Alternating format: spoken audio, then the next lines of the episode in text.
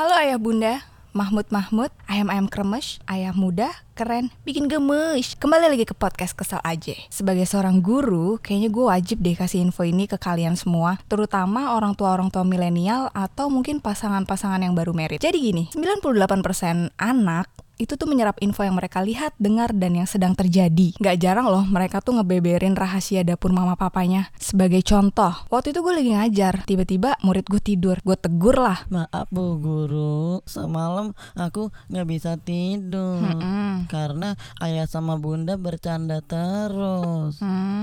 Mereka berisik sampai pagi nggak pakai baju. Hmm? Scooby-Doo papap di depan anak SD kelas 2 Ayah bunda tolonglah. Emang gak bisa cari fantasi di tempat lain. Garasi ya gak apa-apa lah kotor dikit. Dapur atau mungkin di teras Gak masalah kan? Gak mesti harus kamar sama anak kan? Scooby-Doo papap tuh gak dilarang ayah bunda. Apalagi kalian udah halal. Yang jadi masalah kalian kurang bijak. Bayangin di depan anak kelas 2 SD loh Masih mending dia cerita sama gurunya. Coba kalau dia cerita sama temennya Terus temennya nyari info lewat internet Atau nanya lagi sama temennya yang lain Kan berabe Ya nggak sih? Jadi buat kalian para orang tua milenial ataupun mungkin kalian yang tinggal di lingkungan yang banyak anak kecilnya bisa lebih sedikit bijak kan? Sange boleh lah, tapi tahu tempat.